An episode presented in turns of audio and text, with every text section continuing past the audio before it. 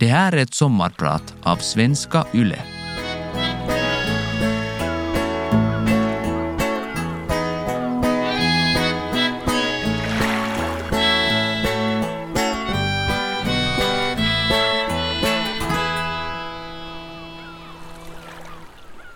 När jag efter en lång arbetsdag på Operan landar hemma i tv-soffan och slappnar av med till exempel en dansk kriminalserie börjar hjärnan genast jobba. Jag bara måste få känna efter hur danskan känns i munnen. Hur sjutton gör danskarna när de formar de olika ljuden? Och fransmännen, italienarna, spanjorerna eller tyskarna? Hur får de sina språk att låta just så som de låter? Ja, jag är väl lite arbetsskadad efter ett helt liv som operasångerska. Ständigt jobbar vi på nya språk och alltid jagar vi det perfekta uttalet. Så även under kvällens soffpotatistimmar söker jag nya ljud till min repertoar och blir inspirerad av alla slags talade språk omkring mig. Även när jag huserar i min trädgård så debatterar jag med förbiflygande fåglar. Tyvärr är det bara kajorna och kråkorna som svarar. Jag undrar varför. Men det är ju inte fågelsång eller trädgårdsodlingar jag ska tala om idag, utan något annat som fascinerar mig, nämligen språk. Jag ser språkkunskap som en personlig rikedom som man ska verkligen värna om alla dessa tonårens svettiga språklektioner där man rastlöst stirrade på klockan och ville ut därifrån. Inte förstod man då att språkkunskap var nyckeln till så mycket. Kulturer, levnadssätt, studie och arbetsmöjligheter, nya bekanta och vänner. Tänk om mitt tonårsjag hemma i Lahtis hade vetat att jag en dag ska bo och studera i Sverige att jag i mitt kommande arbete som chef för Finlands nationalopera nästan dagligen ska använda min svenska. Eller att jag en dag ska sitta i radion och tala svenska i en hel timme. Att jag klarar av det och att jag får göra det. Det gör mig riktigt stolt och glad. Mitt namn är Lilli Paasikivi. Jag är mezzosopran och operachef och idag är jag din sommarpratare. Sedan barndomen har jag alltid tyckt om att leka med språk. Med värme minns jag hur jag samtalade med min svenskspråkiga mormor på flytande svenska fastän jag egentligen inte kunde ett enda ord. Men språk är mer än ord. Melodi, betoningar, färger och tempo. Så jag imiterade henne och hon skrattade så tårarna rann. Vi hade verkligen jätteskojigt tillsammans, jag och mormor. Först senare har jag förstått att det måste ha varit härligt för henne att hennes barnbarn visade ett sådant intresse för hennes modersmål. Min mormor, Karin Lovisa, var uppvuxen i en finlandssvensk familj i Åbo. Där träffade hon en juridikstuderande ung man, Heile Soini, och så småningom gifte de sig. Om Karin kom från en borgerlig finlandssvensk familj så var nog Heiles bakgrund ganska annorlunda. Hans fader, kyrkoherden Magnus Brynolf Hoffrén och hustrun Tyne var starka anhängare av den så kallade språkfrågan och som ett tecken på det hade de bytt efternamnet Hoffrén till Soini. Det unga paret Karin och Heile grundade familj och på grund av Heiles arbete flyttade de så småningom till en liten stad i Tavastland. Tvåspråkighet var tyvärr en omöjlighet för drygt hundra år sedan så helt i tidens anda bestämde då min morfar att det enbart skulle talas finska hemma. Som resultat av det fick min mamma lära sig svenska senare i livet, i skolan. Hon klarade sig fint med svenskan, men helt flytande lärde hon sig aldrig tala sin egen mammas modersmål. I 1980-talets Lahtis, då jag var tonåring, var svenskan inte på något sätt intressant för mig. Engelska skulle det vara, kanske mest för att populärkulturen var enbart på engelska. Vi tittade på amerikanska filmer och tv-serier som Dallas och Dynasty och Love Boat. Och hellre lärde man sig texterna till engelska poplåtar utan till än satsade på att behärska svenskan. På somrarna skickades jag till England på språkkurser och under gymnasietiden bodde jag i USA i ett år som utbytesstudent. Som följd av detta blev engelskan mitt starkaste främmande språk. När studentexamen närmade sig så blev föräldrarna oroliga. Nu var det verkligen dags för flickan att satsa på det andra inhemska språket. Så under abiåret gick jag varje lördag klockan nio på extra undervisning hos en äldre dam, fröken Taimi Nuotio. Där satt jag i hennes kök och skrev i en svart anteckningsbok. Behöva, bruka, börja, få, hinna, hoppas, ida, låta, låtsas, orka, råka, synas, tyckas, våga, ämna, önska. Hm, tack vare detta vet jag nu efter vilka hjälpverb huvudverben står i infinitiv. Taimis grammatikregler och minnesramsor finns impregnerade i min hjärna i all evighet. Tumma tunnor bullrar mest eller hör till den granens susning vid vars ditt bo är fästat. Några extra poäng fick jag väl i studentexamen med dessa ordspråk. Min relation till det svenska språket förändrades helt då jag år 1986 sökte till den Kungliga Musikhögskolan i Stockholm. Mitt mål var ju en studieplats på Sibeliusakademin men för att överhuvudtaget försäkra en studieplats för hösten så sökte jag också till Akkis, som Kungliga Musikhögskolan kallades. Inträdesförhören hölls under en underbar vecka i vårvintriga Stockholm. 126 hoppfulla sökte och under veckan reducerades gruppen sakta men säkert till endast fyra lyckliga som kom in. Och jag var en av dem. Ja, tjejen från Lahtis blev helt förälskad i den eleganta staden Stockholm och jag ville definitivt flytta dit. Plötsligt blev det svenska språket mycket intressant för mig. Det var inte längre ett tråkigt måste i skolan. Tvärtom, det var en nyckel till mitt nya liv i den svenska huvudstaden. Under mina år i Stockholm fick jag bekanta mig med den rika svenska sångtraditionen. Jag sjöng med Musikhögskolans kammarkör som leddes av den legendariska kördirigenten Erik Eriksson. På en jorden runt-resa 1988 sjöng vi många fina svenska visor. I samma kör fanns också fyra väldigt duktiga sångare som just då hade grundat en ensemble som det gav namnet The Real Group. Idag vet alla vem de är en av Sveriges och kanske världens allra mest framgångsrika a cappella-grupper. Språk är ett verktyg, det viktigaste sättet med vilket vi kan uttrycka idéer, tankar och känslor. Språket formar vår identitet och tvärtom, vår identitet formar definitivt språket. Orden binder samman folk, inspirerar, aktiverar och underhåller. Orden kan provocera, förolämpa och väcka aggression. Men de har också förmåga att trösta, leka och smeka. Ord kan vara starka och betydelsefulla men tyvärr är de ofta meningslösa och vilseledande. I dagens värld när vi är helt översvämmade av information från alla håll blir det personliga ansvaret över orden och ens läskunnighet bara viktigare och viktigare. Vad man säger är som sagt viktigt. Men hur man säger det är faktiskt nästan lika viktigt. Det finns de som man lyssnar på med fascination och sedan finns det sådana som har väldigt svårt att fånga lyssnarens uppmärksamhet.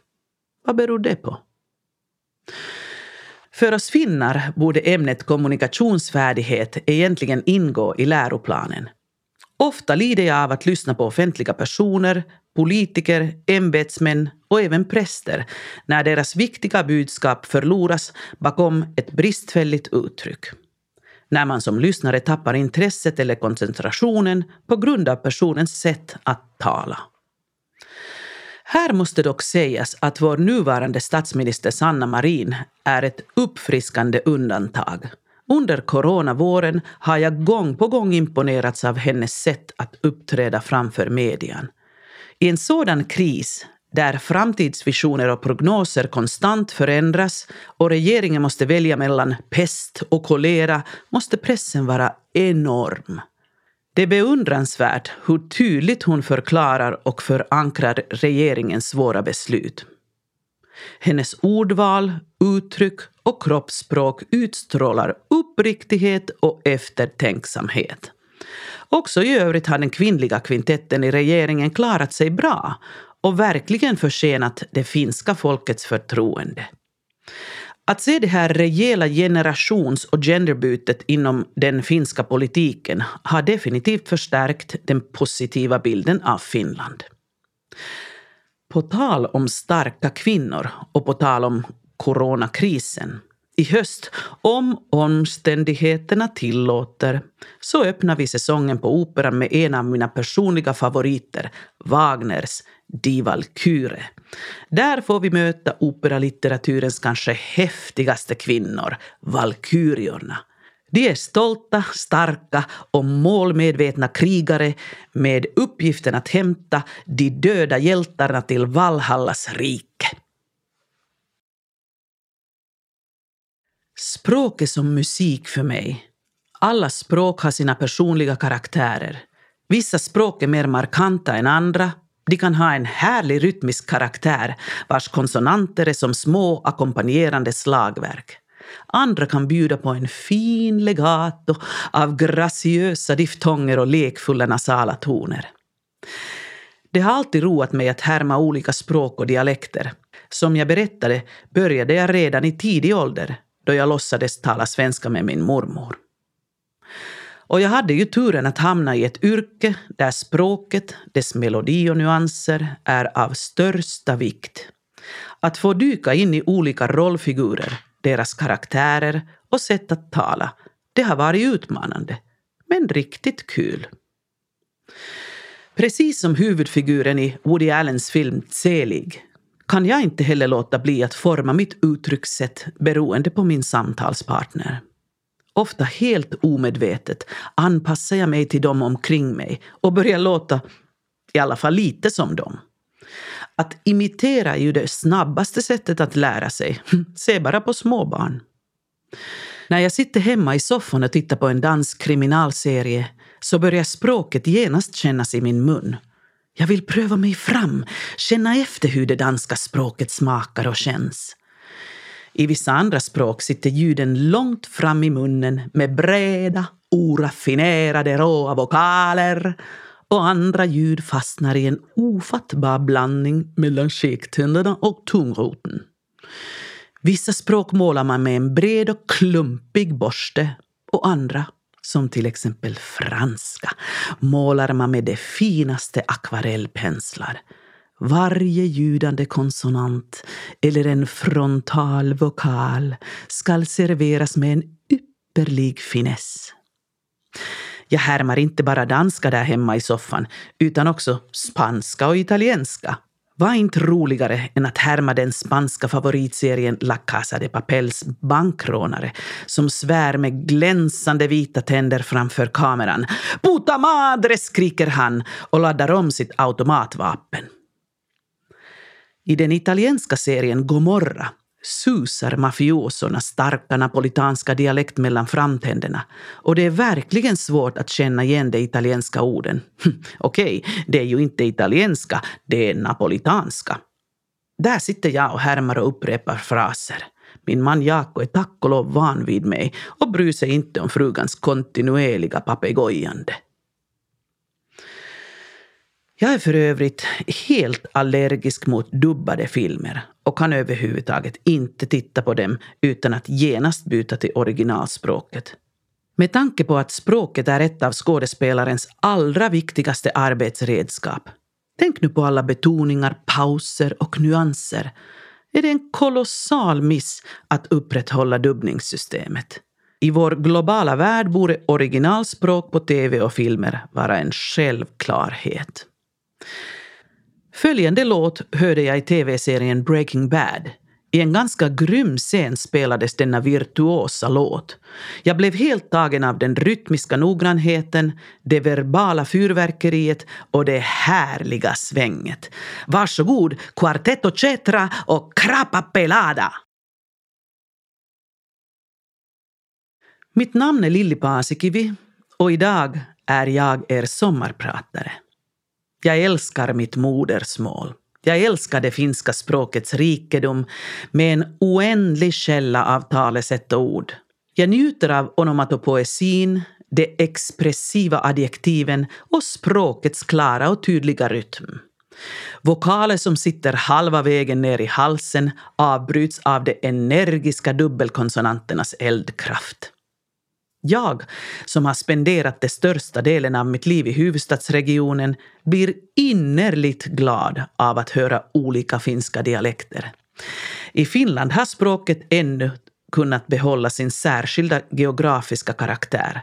Allt har tack och lov ännu inte jämnats ut. Det gläder mig att dialekterna igen uppskattas. Vad sympatiskt det är att på Finnairflyget höra kaptenen önska alla resenärer välkomna ombord på en bred savolax-dialekt. Eller att läsa poeten Heli Laaksonen som skriver sina dikter på västkustdialekt. Det gör att budskapet på något sätt känns mer jordnära och mänskligt. Det är liksom inte onödigt förfinat och människan bakom orden hörs mycket tydligare. Inom komedin har ju dialekterna spelat en stark roll sedan länge. En skogsfilosof alla Havukkaho, en humoristisk gubbe alla Esa Pakarinen eller ett pratsamt hembiträde. Alla de här ärketyperna finns kvar i den finska komedin ännu idag. Att få sjunga Kalevalas vackra och oerhört starka språk har alltid varit en känsloladdad upplevelse för mig. Sibelius Kullervo är ett av de verk som jag har framfört allra mest runt om i världen, till exempel i London, Paris och USA. Förutom ett gripande och mångsidigt tonspråk så bjuder Kullervo också på det traditionella versmåttets suggestiva och engagerande rytm. Kullervos systers solo är både expressivt och hjärtskärande tragiskt. Vokalstämman varierar från ett skönt lyriskt uttryck till stor dramatik i slutets fatala förebådande. Jag har alltid känt det som ett stort privilegium att efter att ha sjungit mitt eget solo få sitta kvar mitt i orkestern. Också i Kullervo har jag så många gånger haft den bästa platsen i huset. När manskören i sista satsen sjunger med en kontrollerad suspens om kniven, när man vet att antihjältens död närmar sig, så känner jag ofta att håret reser sig på mina armar. Här sjunger jag nu en bit av Kullervos syster med Sinfonia Lahti under ledning av den fantastiske maestro Osmo Vänskä. Att uttrycka sig färggrant och med en viss lekfullhet är viktigt för mig. Genom att färga, vrida eller måla kan man tolka sin omgivning på så många olika sätt och en alldeles vardaglig händelse kan omvandlas till härlig komik eller skärande ironi. Att leka med ord är ett billigt nöje. Jag har alltid tyckt om att skriva ner mina observationer. På pappret blir allt så mycket tydligare. Man vaskar fram det väsentliga och det roliga. Under årens lopp har jag skrivit kolumner om musiklivet och om den resande artistens vardag. Jag har skrivit bloggar, premiärtal, gratulationsdikter och även en och en annan rap-pastisch. Mitt kanske mest omtalade litterära verk var rappen Pavolle till Pavo som jag skrev 2011. Den då nyvalda kulturministern Paavo Arhimäki visade sig vara något motvillig att besöka operan. Så då tänkte jag att vi kunde väcka hans uppmärksamhet med en lite ovanligare inbjudan.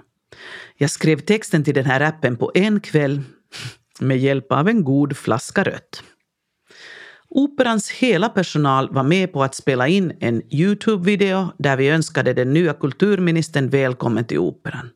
Allt var naturligtvis gjort med glimten i ögat och vi var de första att erkänna att det hade verkligen lite med en autentisk rap att göra. När videon väl publicerades så visades den på kvällsnyheterna och ganska snart fick den över 80 000 visningar på Youtube. Nå, besökte då minister Arhimäki operan?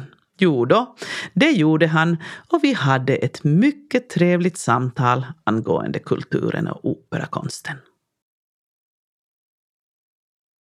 Hur jag än försökte lära mig ordentlig svenska under studietiden där i Sverige och härma den rikssvenska melodin så hördes alltid mitt ursprung. Jag fick ibland höra att finlandssvenskan är så vacker. Nej, inte talade jag någon finlandssvenska, fast många verkade tro att min svenska med finsk brytning var finlandssvenska. Nej, Stina Ekblad, Jörn Donner och Lasse Pöysti, de talade äkta finlandssvenska. Som sagt, inom klassisk sång är det korrekta uttalet mycket viktigt. Jag lärde mig mina Sibelius-sånger i Sverige och fick senare här hemma i Finland höra att mitt uttal var för rikssvenskt. Vokalfärgerna var för slutna och kärlek var inte äkta kärlek. Under flera år använde jag min svenska väldigt lite och märkte snabbt att om man inte använder språket så försvinner det. Nu har jag bestämt mig att jag vill värna om mina språkkunskaper, den rikedom som jag har skaffat mig med mycket möda. Nu för tiden talar jag helst svenska med alla mina svenskspråkiga vänner och bekanta. Jag vill hålla min svenska levande. Vad gäller Finlands tvåspråkighet så finner jag den nuvarande debatten oroväckande. Det är ju självklart att ju mer språkkunniga vi finländare är, desto mer vinner vi i alla sammanhang. Beredskapen att konversera på ett gemensamt språk svetsar oss tajtare samman med våra skandinaviska grannar. Oavsett vad vissa populister påstår är våra nordiska grannländer under alla omständigheter våra vettigaste samarbetspartners i denna globala värld. Mina egna barn, Sini och Juhani, har gått i tvåspråkig skola från första klassen. I lågstadiet i Tölö erbjöds alternativet finska-engelska. Alla ämnen studerades på två språk. Detta har resulterat att för dem är engelska inte längre någon extra språkkunskap. Det är en självklarhet. Det har inte hindrat eller försenat deras språkliga utveckling på något sätt. Tvärtom. Vid sidan av finskan och engelskan har de lärt sig inte bara svenskan ganska väl utan studerat också kinesiska, japanska, spanska, franska och ryska. Ju flera språk man kan, desto lättare blir det att lära sig ännu flera. Jag tycker dock att det är underligt och väldigt tråkigt att det, i alla fall i Helsingfors, inte finns liknande tvåspråkiga klasser på finska och svenska. Jag kollade upp saken på nätet och hittade på stadens webbsidor tvåspråkiga alternativ med finska-engelska, finska-kinesiska, finska-spanska, finska-ryska och finska-estniska. Men alltså inte tvåspråkiga klasser på landets nationalspråk finska och svenska. Det finns förstås språkbad, men det är verkligen inte samma sak som en tvåspråkig klass. Jag frågar mig varför. Jag är också orolig för den politiska debatten gällande den så kallade tvångssvenskan. Varför måste svenska språket introduceras i flesta fall först på sjuan, just då när den akademiska motivationen för många är som svagast? Fråga en 13-åring i mellersta Finland om han eller hon vill lära sig svenska. Jag vet mycket väl vad jag skulle ha svarat i 80-talets lahtis. Men om jag hade haft svenskan som en självklar del av min skoltid från första klassen så hade relationen till språket varit mycket lättare redan från början. Jag tror också att vi tappar en hel del av barnens enorma inlärningskapacitet med att inte ge möjlighet till tvåspråk redan från första klassen. Och jo, jo, jag är medveten om att detta har med resursering att göra. Men jag flaggar ändå starkt för tidig undervisning på två inhemska språk. Så där, där kom min språkpolitiska del av sommarpratet. I detta sammanhang skulle det kanske passa med en sprudlande glad körsats ur den första operan som komponerades i Finland, nämligen den tyske kompositören Fredrik Pasius Kung Karls jakt och finalen ur den Nu ilar vi bort från Finlands strand. På min arbetsplats, Finska nationaloperan, arbetar över 30 nationaliteter från världens alla hörn. Vi är omringade av en härlig kakafoni av språk. Under en vanlig arbetsdag kan jag möta en tysk regissör, en italiensk dirigent, en amerikansk tenor, en fransk koreograf och en svensk sopran. Listan är oändlig och ändras naturligtvis från produktion till produktion. Dagligen blir jag ändå tydligt påmind om vad det hela handlar om. Kommunikation. Att nå fram till andra människor och förmedla idéer, känslor och intentioner. För en operasångerska är det vardag att sjunga på främmande språk. Vi sjunger på de flesta europeiska språk som finns. Under åren har jag lärt mig sånger med text på språk som jag inte alls behärskar, som till exempel ryska, tjeckiska, jiddisch, arabiska och även hawaiianska. Då lär man sig texten fonetiskt, översätter noggrant ord för ord, går igenom uttalet och meningar med en språkexpert och sedan gäller det att använda Haukionkala-metoden, det vill säga upprepa, upprepa och upprepa tills texten blir levande i ens huvud. Under årens lopp har jag finslipat oändliga sångtexter med språkexperter. Mina partiturer är fulla av post-it-lappar, små anteckningar och fonetiska tecken. Det är viktigt att förstå vad som är det väsentliga i varje språk. Vad får franskan att låta äkta franskt? Vad gör italienskan trovärdig? Vi finnar har ofta för tjocka och oaspirerade konsonanter och våra vokaler ligger för långt bak. Det räcker inte att vi sjunger de rätta orden.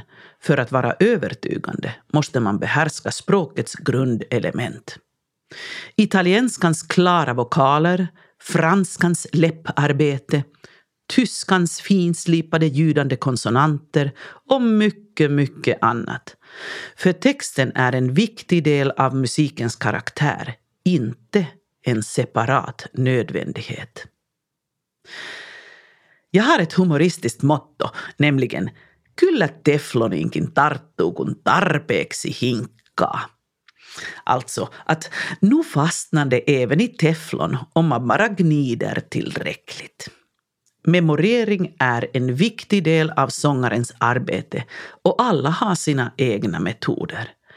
Under årtionden så har jag gnidit och gnidit. Tyvärr finns det ingen genväg. Regin hjälper också i memoreringen. Vid sidan av musiken har rollarbetet för mig varit till stor hjälp och inspiration. Hur kroppsspråket eller dynamiken mellan rollfigurer bidrar till en trovärdig helhetsbild. I partituret har ju kompositören bestämt huvudlinjerna av rollfigurens psykologi, men det finns ju gott om möjligheter och frihet för sångaren att komma fram med en personlig tolkning. Även om vi på Operan strävar efter ett ypperligt uttal av texten under en föreställning så är övningssituationen helt annan. Språk blandas och också misshandlas. Grammatik är helt ointressant. Det viktiga är bara att vi förstår vad regissören eller dirigenten vill och vart vi ska med processen. Kommunikation, som sagt. En kollega som jag har alltid beundrat mycket och vars tolkningar tilltalar mig är den svenska världsmezzosopranen Ann-Sofie von Otter. Det var en stor ära för mig personligen att häromåret kunna erbjuda henne huvudrollen som Charlotte Andergast i Finlands svenska kompositören Sebastian Fagerlunds nya opera Höstsonaten på Nationaloperan i Helsingfors. Också om orden är viktiga så har musiken ändå alltid varit det allra viktigaste språket för mig. Sibelius sa det att musiken börjar där orden tar slut. Mycket fint uttryckt. Och så sant, tycker jag. Om orden är intellektet så är musiken känslor och det undermedvetna. Allt behöver inte verbaliseras. Det finns genier som Sibelius, Schubert eller Mahler som i sin musik har kunnat skapa ett språk bortom orden som talar till oss över alla gränser, bortom det talade språkets begränsningar. Jag vill avsluta med ett stycke pianomusik som ligger mitt hjärta nära. I Schuberts impromptu i Gess-dur hör jag hopp, vemod, förlåtelse och tröst. Jag önskar dig en fin fortsättning på sommaren och hoppas att vi ses på Operan i höst. Mitt namn är Lilli Paasikivi och idag har jag varit din sommarpratare.